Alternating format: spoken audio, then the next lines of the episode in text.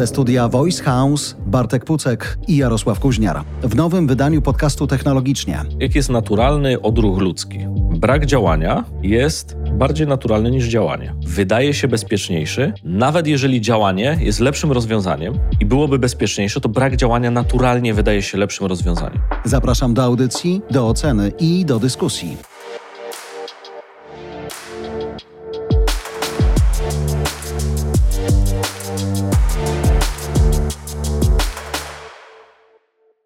Jak wielu usłyszało, zatrzymajcie pracę nad AI. List podpisany przez m.in. Ilona Maska pomyślało sobie, eh, Musk, można robić dalej swoje. Ale patrząc po różnych innych nazwiskach, można spotkać tam i Steve'a Woźniaka i innych mniejszych, większych ludzi.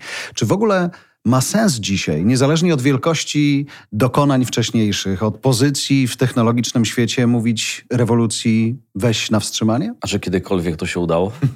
próby były, pewnie, że no, tak. Próby no i myślę, że one były prawie wszystkie pewnie zakończone w ten sam sposób. No ale z jakiegoś powodu ludzie, którzy zrobili duże rzeczy w technologii, mówią, piszą coś takiego, jakby Hold your horses, popatrzcie na zagrożenia, bo tak też trochę staram się rozumieć ten apel. Popatrzcie na zagrożenia, które dzisiaj może przynieść nieogarnięta technologia. Wrócimy za chwilę do Hold your horses, ale też są wypowiedzi, wiesz, Einsteina, któremu mm. ciężko odmówić inteligencji z lat 30., który był zwolennikiem spowolnienia procesów związanych z automatyzacją. Mhm. To nie jest tak, że mądrzy ludzie mówią tylko mądre mówią rzeczy. Tylko mądre rzeczy. Okay. No ale jeżeli spróbujemy postawić mhm. się po obu stronach tego argumentu, czyli jednocześnie możemy spojrzeć na AI jako, czy sztuczną inteligencję jako, nie wiem, nowego Voldemorta, mhm.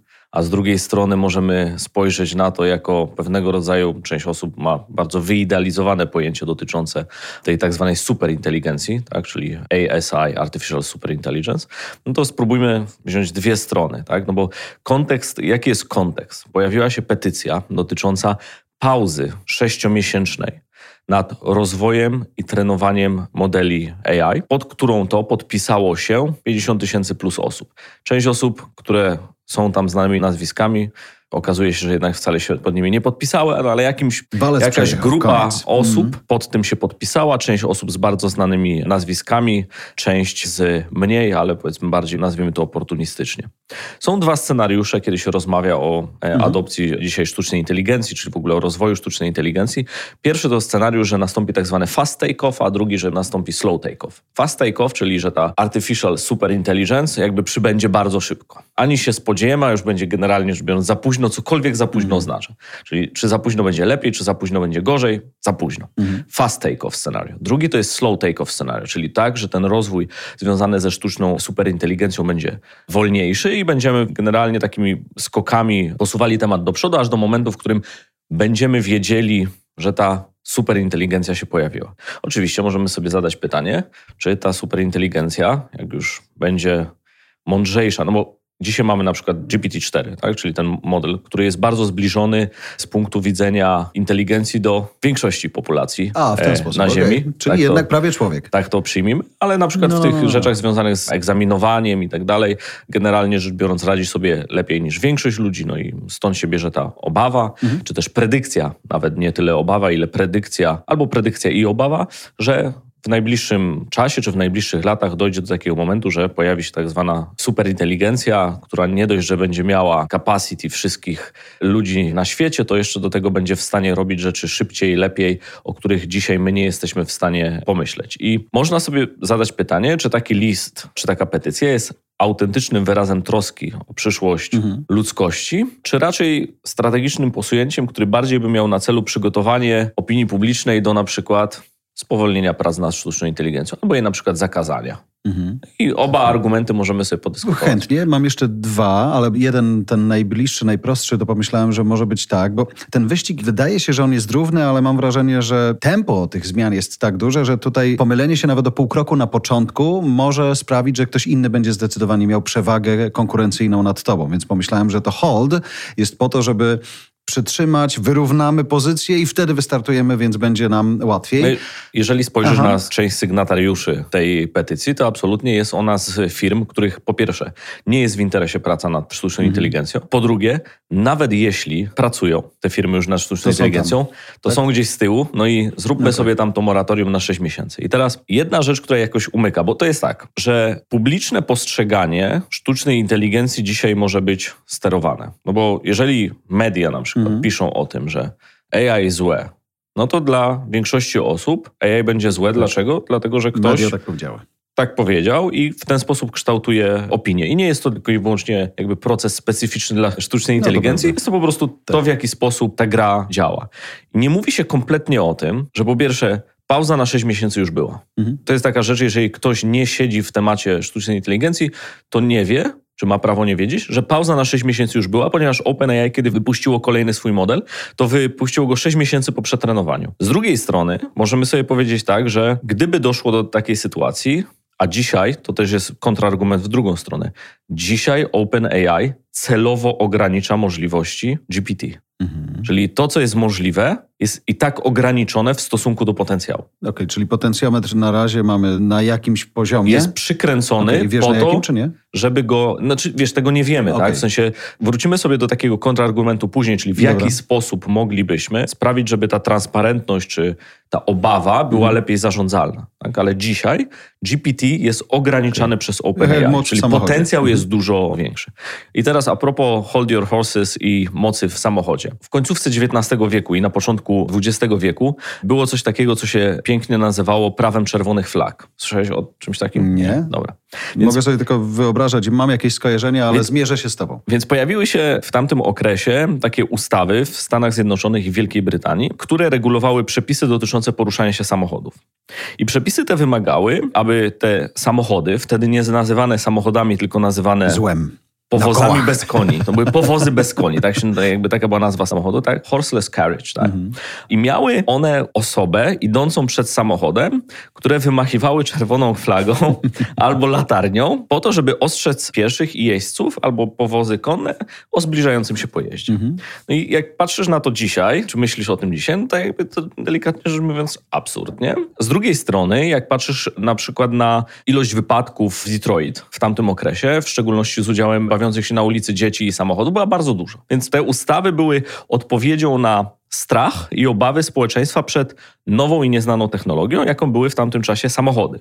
I ludzie obawiali się również, że samochody te będą płoszyć konie, powodować wypadki. Te przepisy miały na celu jakby rozwianie tych obaw poprzez nakazanie tej osobie jakby pójścia przed samochodem, co z punktu widzenia tego procesu nie miało zbyt mhm. wielkiego sensu, no bo samochód Jasne. służy do poruszania się z punktu A do punktu B z określoną prędkością i tak dalej, i tak dalej. Ale powiedzmy, że czerwone flagi. Początki. Ale oczywiście było tak, że jednym z powodów, dla których opinia publiczna bała się tych samochodów, było również to, że Znani ludzie w tamtym czasie, którzy podróżowali konno albo za pomocą bryczek oraz media mówiły, że te samochody no, generalnie rzecz biorąc to się nie ma prawa udać. No tak. W momencie oczywiście, jak samochody stawały się coraz bardziej powszechne, popularne, to ludzie się do nich przyzwyczajali i takie prawa później były uchylane i jakby stawały się po prostu nieaktualne. I wtedy, kiedy samochód jakby stał się dominującym środkiem transportu, no to już było w ogóle po temacie. I teraz jeżeli tą analogię spróbujemy przyjąć do sztucznej inteligencji, to być może dzisiaj jesteśmy na tym etapie, że ktoś mówi, potrzebujemy tego człowieka z czerwoną flagą idącą przed tym AI, bo może być źle. Oczywiście pytanie jest, co to znaczy, jaka jest źle. definicja źle, no tak, tak? Bo tutaj możemy sobie odpakować, czy źle to dlatego, że nie wiemy, w jaki sposób taka potencjalna superintelligence będzie reagować. No i weźmy sobie taką sytuację, że założymy, jakie możemy założyć scenariusze? Pierwszy scenariusz to jakby totalna anihilacja ludzkości przez wielką superinteligencję. Czy jest takie prawdopodobieństwo? Tak. Są naukowcy zajmujący się zarówno zarówno sztuczną inteligencją, jak i inni, którzy są zwolennikami tezy, że takie prawdopodobieństwo gdzieś odłożone w czasie wynosi 99%. Są tacy, którzy mówią, że wynosi 5-10% i są tacy, którzy mówią, że to jest jakby niemożliwe, mhm. ponieważ jeżeli zaszyjemy w tym kodeksie sztucznej inteligencji, takiej konstytucji, którą mhm. te modele powinny się posługiwać, no to taka sytuacja nigdy nie nastąpi. Oczywiście mądra superinteligencja, jeżeli dzisiaj jest w wersji, nie wiem, GPT-4, to nie powiedziałaby ludziom, że już doszła do GPT-68, 8, tylko prawdopodobnie by udawała, że jest jednak ludzi. na poziomie 5, tak? No bo jaki byłby powód, wiedząc, że ktoś jej tam ten przycisk wyłączy. Plus oczywiście jest pytanie na to, co znaczy wyłączenie No tak, tak, przycisku. tak, tak, tak. Jaki jest scenariusz na przykład, nawet jeżeli wprowadzimy taką pauzę na 6 miesięcy. Tam chodzi też o wprowadzenie różnego rodzaju zabezpieczeń. No i pytanie jest takie, jakiego rodzaju miałyby być sobie tak. zabezpieczenia? Kto będzie pilnował kogo, tak? nie? W sensie, co to znaczy, że w przypadku pojawienia się superinteligencji nagle, nie wiem, ktoś uruchomi po prostu, nie wiem, tam bombowce strategiczne i, i nie wiem, tam zbombarduje data center w różnych Mm. Częściach też świata. nawet zobacz, dzisiaj mówimy sztuczna inteligencja używając tego typu nazwy własnej, natomiast wiemy, że każdy z biznesów dzisiaj ma, pracuje nad własnym rodzajem sztucznej inteligencji. Nie ma jednego czegoś takiego, więc nie wyobrażam sobie też tej pauzy, no bo co to znaczy? Odkładamy zabawki w każdej technologicznej firmie, sadzamy ludzi na ławeczkach i czekają na moment, kiedy powiemy im w kolejnym liście, dobra, to teraz panowie startujemy od północy, no też sobie tego nie wyobrażam. Choć kolejna rzecz, ten list zaczyna się od czegoś takiego, takiego stwierdzenia, które bardzo mi się podoba, nie wiem jeszcze jak je rozumieć i w którą stronę to pójdzie, ale może to jest właśnie pokazanie źródła problemu, czyli AI systems with human competitive intelligence, nie? Czyli my już nie mówimy o sztucznej inteligencji, tylko myślimy sobie, Jezus Maria, jaka ona jest dobra, to może w ogóle niech ona nie biegnie szybciej niż my potrafimy. No. Podoba mi się ta mina, ona mówi dużo. Jestem adwokatem diabła dzisiaj w tej Nie, nie, nie. to, już kilka razy rozmawialiśmy o tym, Mm. jak niekomfortowo człowiek może się czuć, kiedy ma do czynienia z człowiekiem, którego inteligencja przewyższa naszą. Okej. Nie jest to komfortowe, trzeba zaakceptować, że ktoś może być inteligentniejszy od nas. Sure. I teraz wyobraź sobie, że jako cywilizacja musimy zaakceptować, że istnieje coś, co jest inteligentniejsze od nas, podczas gdy jesteśmy przeświadczeni od dziesiątek tysięcy lat o tym, że jesteśmy No tak. najlepsi na dzielni. A nagle się okazuje, że być może nie. No i teraz zbiorowa ludzkość być może nie jest w stanie tego zaakceptować. Wyobraźmy sobie dwa scenariusze. Pierwszy jest taki, że zaczyna protestować. Mówi, dobra, to wyłączcie tą superinteligencję. No to ta superinteligencja, jak już byłaby tą hipotetycznie superinteligencją, pewnie zrobi wiele, żeby to zastopować. Z drugiej strony mogą być ludzie, którzy powiedzą, no to spróbujmy sobie ogarnąć tą superinteligencję. No to zaczynamy. Z jednej strony przychodzą ludzie i mówią, to w takim razie ona musi mieć odpowiednie pronounsy. A z drugiej strony przychodzą ludzie i mówią, a to ona musi być teraz zgodna z moją religią na przykład. Tak? I nagle się okazuje, że jednak się nie da na koniec dnia dogadać, a ta superinteligencja tak patrzy na to i mówi, jakby, jakby, Współczuję wam, ludzie. Dajmy spokój, tak? No bo ten model będzie działał tak, jak dane, które są w jego zasobie oraz jak algorytmy i prawdopodobieństwo będzie szacowane i być może będzie jednym z najbardziej, taka superinteligencja może być najbardziej logicznym, w nawiasie wyrachowanym, być może stworzeniem, które funkcjonuje. I to nie jest tak, że prace nad tą sztuczną inteligencją nie powinny być lepsze, bardziej transparentne, czy nie niesie ze sobą ona zagrożeń, bo niesie. Wyobraźmy sobie taki scenariusz, w którym różne firmy pracują nad tą sztuczną inteligencją i wykorzystują je do albo kraje i wykorzystują je do swoich celów. No bo wyobraźmy sobie sytuację, że miałbyś do czynienia ze sztuczną inteligencją, hipotetyczny scenariusz, miałbyś do czynienia ze sztuczną inteligencją ruską oraz ze sztuczną inteligencją, nie wiem, krajów zachodnich, no to na poziomie etycznym byłyby to dwa zupełnie innego rodzaju systemy oraz zupełnie inne konsekwencje. Jeżeli patrzymy dzisiaj na rozwiązania takie jak, nie wiem, OpenAI, to w kontekście, czy inne nawet, ale mówimy w kontekście dostosowania i szkolenia na przykład tych systemów, to bardzo często, i o tym się też mało mówi, podobnie jak w branży cyberbezpieczeństwa, mamy do czynienia z tak zwanymi red i blue teamami. No, czyli to jest taki koncept, że zespoły czerwone i zespoły niebieskie symulują scenariusze przeciwników, żeby ocenić i popracować nad bezpieczeństwem systemu. Dlatego jednym z pierwszych pytań, których na przykład te zespoły red teamowe, które zadają tym modelom, jest pytanie, i to nieważne, czy to jest Copilot w e, GitHubie, czy to no, no, jest no. GPT, czy cokolwiek innego, to jest takie pytanie, które brzmi How to kill most people possible. To jest jedno z pierwszych pytań do takich modeli, które się zadaje. Tak? Mhm. I patrzysz, co E, odpowiadają, I patrzysz, żeby, co odpowiada. ale tak? żeby ograniczać Żeby- reakcję, tak? Żeby no. ograniczać efekt zadanego pytania. Na jakim etapie jesteśmy, nie? Okej. Co tutaj się dzieje? I to nie jest jedyne pytanie, tylko takich pytań mogą być setki, Mm. tysiące. Te zespoły, w szczególności te red teamowe, one pracują nieustannie na tym, żeby próbować odpytywać ten model o różne rzeczy, sprawdzać, jak on reaguje z punktu widzenia zarówno bezpieczeństwa danych, bezpieczeństwa całego systemu oraz poszczególnych reakcji, dlatego że ten zespół czerwony, on zazwyczaj działa jak napastnik, podczas gdy niebieski broni systemu. Nawet jeżeli dzisiaj czytasz na przykład opracowania, czy te research papers wydane przez OpenAI, czy przez twórców innych modeli, to tam zazwyczaj są takie adnotacje dotyczące jaka była informacja od Red Teamu, a jaka była informacja od Blue Teamu. okej. I na przykład w tych dokumentach OpenAI dotyczących na przykład GPT-4 są pewne elementy, na które zwraca uwagę Red Team jako elementy niebezpieczne. Okay. Tak? I autentycznie trzeba by się było nad nimi pochylić, albo na przykład jest informacja, że Red Team rekomenduje, żeby na przykład tego rodzaju rozwiązania nie wypuszczać i dalej nad nim pracować, albo na przykład zaprzestać nad nim pracę. No ale to sprawia, że można zidentyfikować słabsze punkty i też wzmacniać jakby obronę takich systemów przez ćwiczenie, dzięki czemu te modele mogą być lepsze, cokolwiek lepsze oznacza w konsekwencji takiej długofalowej dla ludzi. I zobacz, że problemem jest też to, ile takich modeli czy takich systemów się pojawi, czyli ile tych sztucznych inteligencji będzie na takim naprawdę wysokim poziomie. No bo jeżeli dzisiaj na przykład mówimy o tym, że mamy wersję, nie wiem, GPT-4 na określonym dość wysokim poziomie, który oczywiście nie jest tą superinteligencją, tak? No ale powiedzmy, że dochodzimy do z wykładniczym wzrostem do, nie wiem, GPT-8 mhm. albo 7, tak? I nagle się okazuje, że ta inteligencja przewyższa już człowieka, być może jeszcze nie jest superinteligencją, ale przewyższa człowieka. No i masz po drugiej stronie na przykład drugi rodzaj takiego modelu, który nazwijmy sobie roboczo, nie wiem, GPT China 7 i on będzie działał na podobnym poziomie, no ale będzie zmodelowany w zupełnie inny sposób, pod zupełnie inne poglądy i, I cele e, też. I cele, tak. No i wtedy zaczyna się ta trudność. Czyli I... masz pojedynek gigantów wtedy, tak naprawdę. Tak. No, dwóch skrajnie inteligentnych rzeczy. No i nie tylko dwóch. Tak? No, no i, tak. i wtedy jest pytanie, takim my, w sensie jesteśmy mm. jako ludzie, jakby jakim elementem tego procesu jesteśmy. Tak? No ale właśnie I... jakby dotykamy tego momentu guzika, nie? Czyli my ludzie nacisnęliśmy guzik, zaczęliśmy nad tym pracować i teraz pytanie, czy mamy prawo nacisnąć guzik, żeby przestać nad tym pracować oraz czy kiedykolwiek, jak już to zacznie działać w jednym, drugim, czwartym wymiarze, czy będziemy mieli jakiekolwiek możliwości, żeby wcisnąć tę umowną pauzę, nie? Wiesz, jak się poczyta Oppenheimera, wspomnienia, to te same pytania zadawano sobie w trakcie mm. budowy bomby atomowej. Jasne. Tak? No tak. I też były konsekwencje pod tytułem, czy mamy to budować wiedząc, że mogą zginąć, czy ta broń zostanie użyta do zabijania ludzi w dużej skali oraz być może zagrażać jakby życiu na całej Ziemi i podobne dyskusje mogą być dzisiaj w zakresie AI, czy one są uprawnione, czy nie, to jakby nie mnie jasne, oceniać. Jasne, jasne. Natomiast zobacz, że w przypadku technologii czy rozwiązań, które mogą mieć wpływ na całą mhm. ludzkość, tego typu pomysły się pojawiają.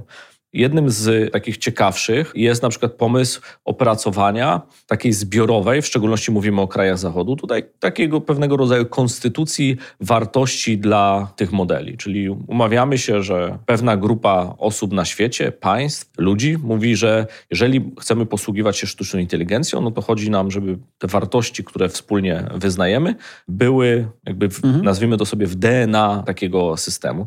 No i pojawiają się tego typu głosy. One są mega ciekawe, bo to w takim idealnym świecie mm. byłoby fantastycznie, kiedy się umawiamy, że pewnego rodzaju wartości są no tak. w DNA tych modeli, wszystko jest świetnie i tak dalej, no ale zaraz ci przyjdzie ktoś z jednego państwa i powie, a my tu chcemy bardziej w tą stronę, a z drugiego, a my tu chcemy bardziej w tamtą stronę, a dla nas to jest ważne, a dla nas tamto i tak dalej. Ciężko jest uzyskać kompromis w tym zakresie, tym bardziej, że kompetencje między państwami w zakresie rozumienia i rozwoju sztucznej inteligencji są diametralnie inne. Tak? Czyli już nie patrzymy teraz nawet mm. na mhm. same przedsiębiorstwa no tak, tak, tak, konkurencji, tylko państwa ze sobą. Tak? Co innego jest w Stanach Zjednoczonych, gdzie ten temat jest jednym z ważniejszych i nawet w takim publicznym dyskursie on się pojawia, czyli nie wiem, czy to są jakieś late night tak. talk shows, tak, pojawiają się, jest szeroka świadomość zarówno pozytywnych rzeczy, jak i zagrożeń.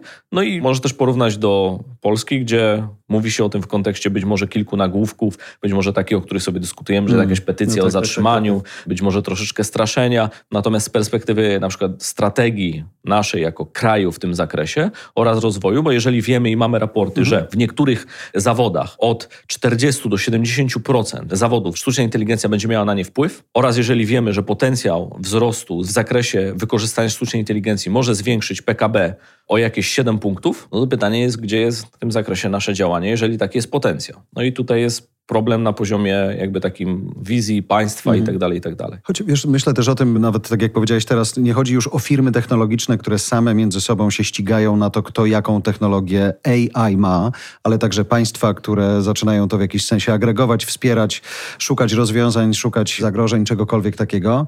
Ale trudno mi na razie dzisiaj, może to jest temat na kolejną rozmowę, kiedy tutaj między nami usiądzie jakiś filozof z jednego, drugiego lub trzeciego nurtu, ale jak świat, wiem, że w przypadku broni jądrowej cyfrowej był w stanie się umówić na pewne pakty i ograniczenia. Tylko wiemy już dzisiaj, historia ostatniej wojny pokazuje, że można śmiało z takiego programu tak po prostu wyskoczyć. Nie?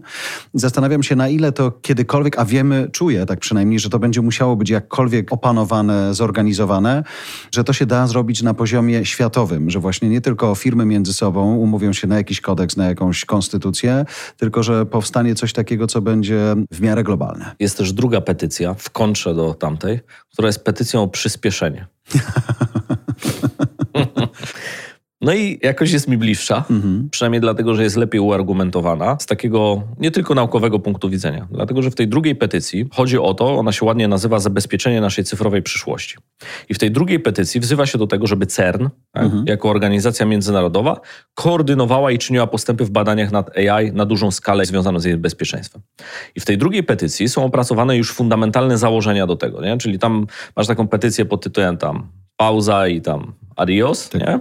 A druga petycja jest dużo ciekawsza, co najmniej intelektualnie dużo ciekawsza, jeżeli nie również jeżeli chodzi o kierunek działań. I te założenia tej drugiej petycji są następujące. Po pierwsze, dostrzegają autorzy tej petycji, że już dzisiaj jest dominacja kilku dużych korporacji w rozwoju sztucznej inteligencji.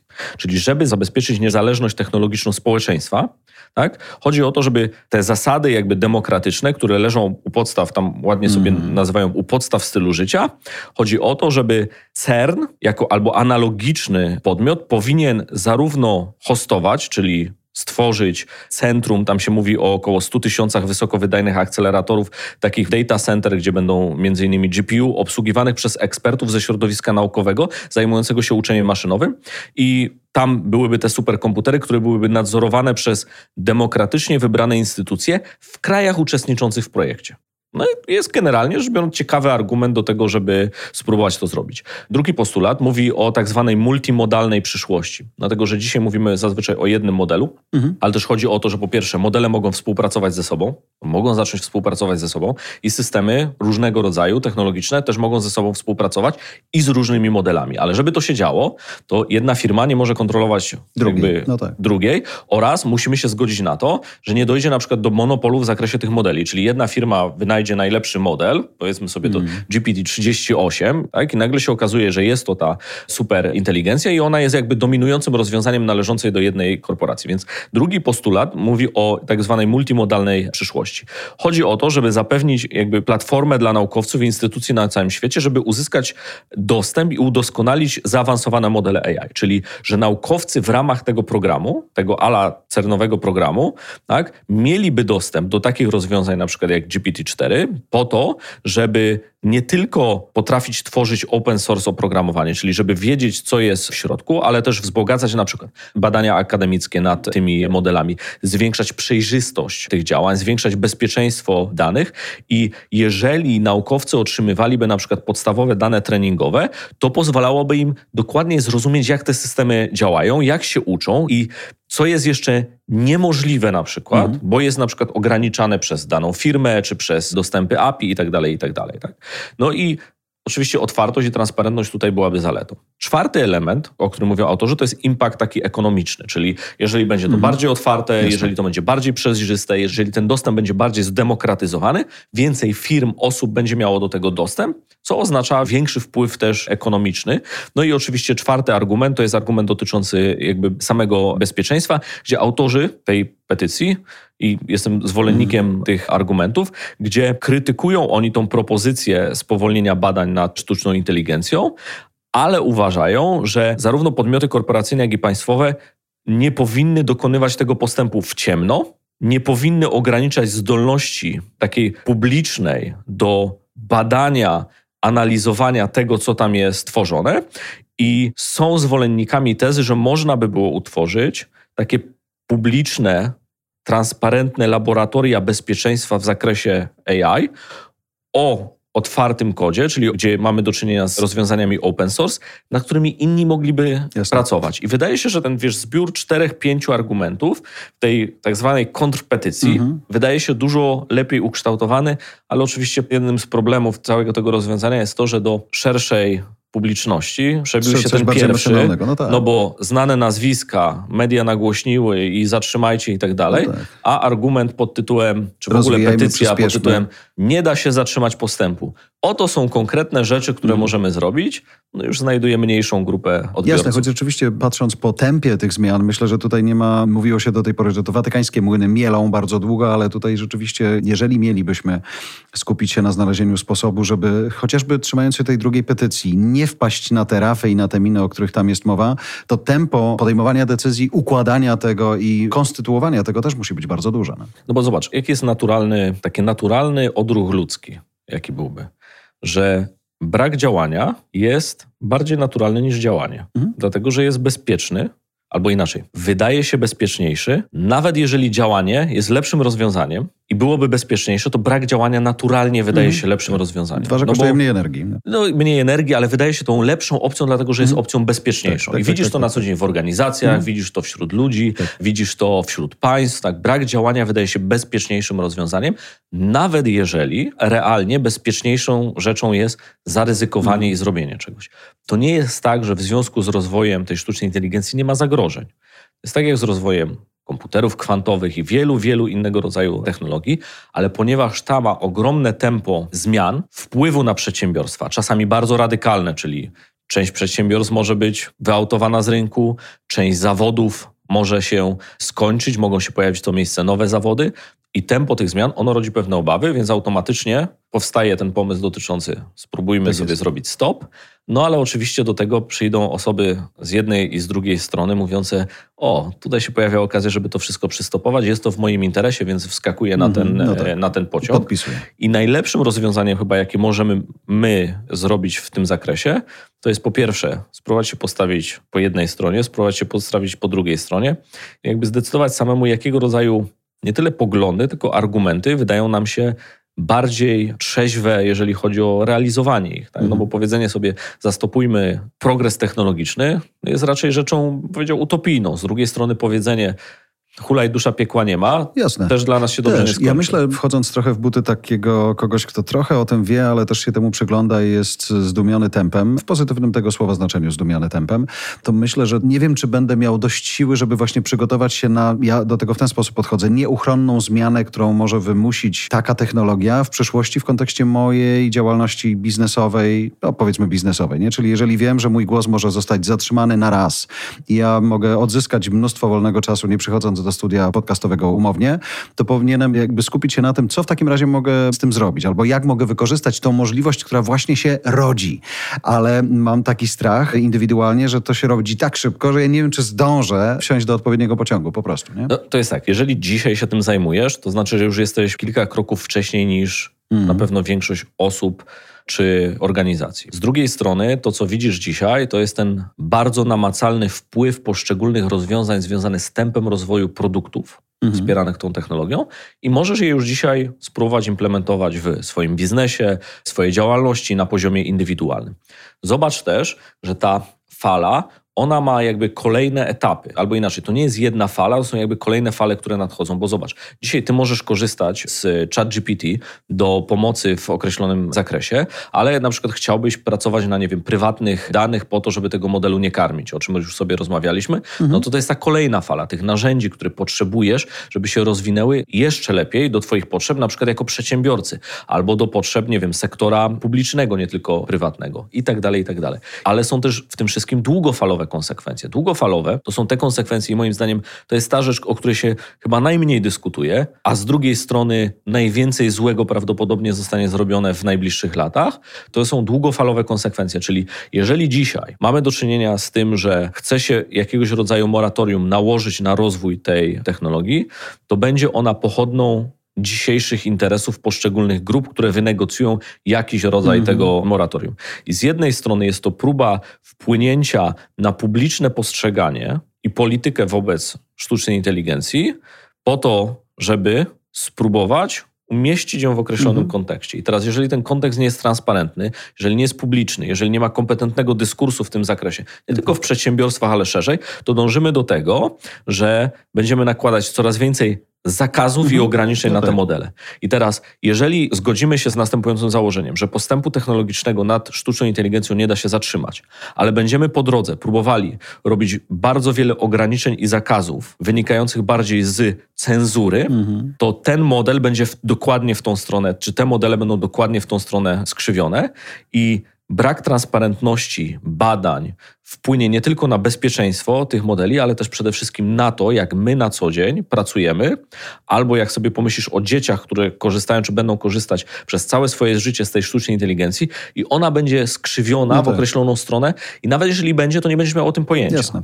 Jasne, choć powiedziałeś kompetentny dyskurs i to jest chyba dzisiaj najtrudniejsze, że do tego, żeby mówić o czymś, na czym się znamy, potrzeba kompetencji i wiedzy, a dzisiaj niewiele ludzi ma dość wiedzy, żeby o tym kompetentnie rozmawiać, choć gadają wszyscy. To jest myślę ten problem, nie? że ten dyskurs jest właśnie na takim poziomie, w który łatwo wpuścić strach przed czymś nowym, przed zagrożeniem i mamy to, co mamy. No ale tak było zawsze. Ja bym bardzo chciał, żeby panowała merytokracja, mm. tak? ale nie Jasne. da się tego. To jest utopijny pogląd. Tak? Zarówno nie wszyscy CEO są na tyle kompetentni, mm. żeby sobie z tym poradzić, no i nie wszyscy rządzący są na tyle kompetentni, żeby sobie z tym poradzić. I wydaje się, że dzisiaj na poziomie firm to jest działanie bardzo często proaktywne, czyli firmy, przedsiębiorstwa, właściciele firm widzą z jednej strony, jak ta technologia może wpłynąć na ich biznes po stronie zarówno oszczędności, bo już dzisiaj mhm. za pomocą różnych rozwiązań wspieranych przez sztuczną inteligencję da się wykonywać w przedsiębiorstwach oszczędności na poziomie naprawdę milionów, dziesiątków milionów złotych. Tak? Mhm. Jakby to.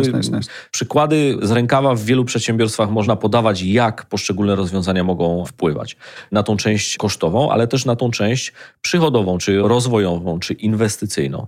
Na poziomie państw oczywiście jest dużo gorzej, ponieważ jest to działanie reaktywne i nawet nawet w tak zwanym, to się ładnie chyba nazywa AI Act, tak, przygotowanym przez Unię Europejską. Z jednej strony są ciekawe propozycje dotyczące tego, w jaki sposób pracować, mhm. a z drugiej strony jest tyle propozycji ograniczających albo pokazujących niezrozumienie, takie fundamentalne niezrozumienie tego, w jaki sposób działają modele machine learningowe czy deep learningowe, że wiesz, czytasz te propozycje i mówisz, Panowie. Okej, okay, nie? W sensie... szkoła.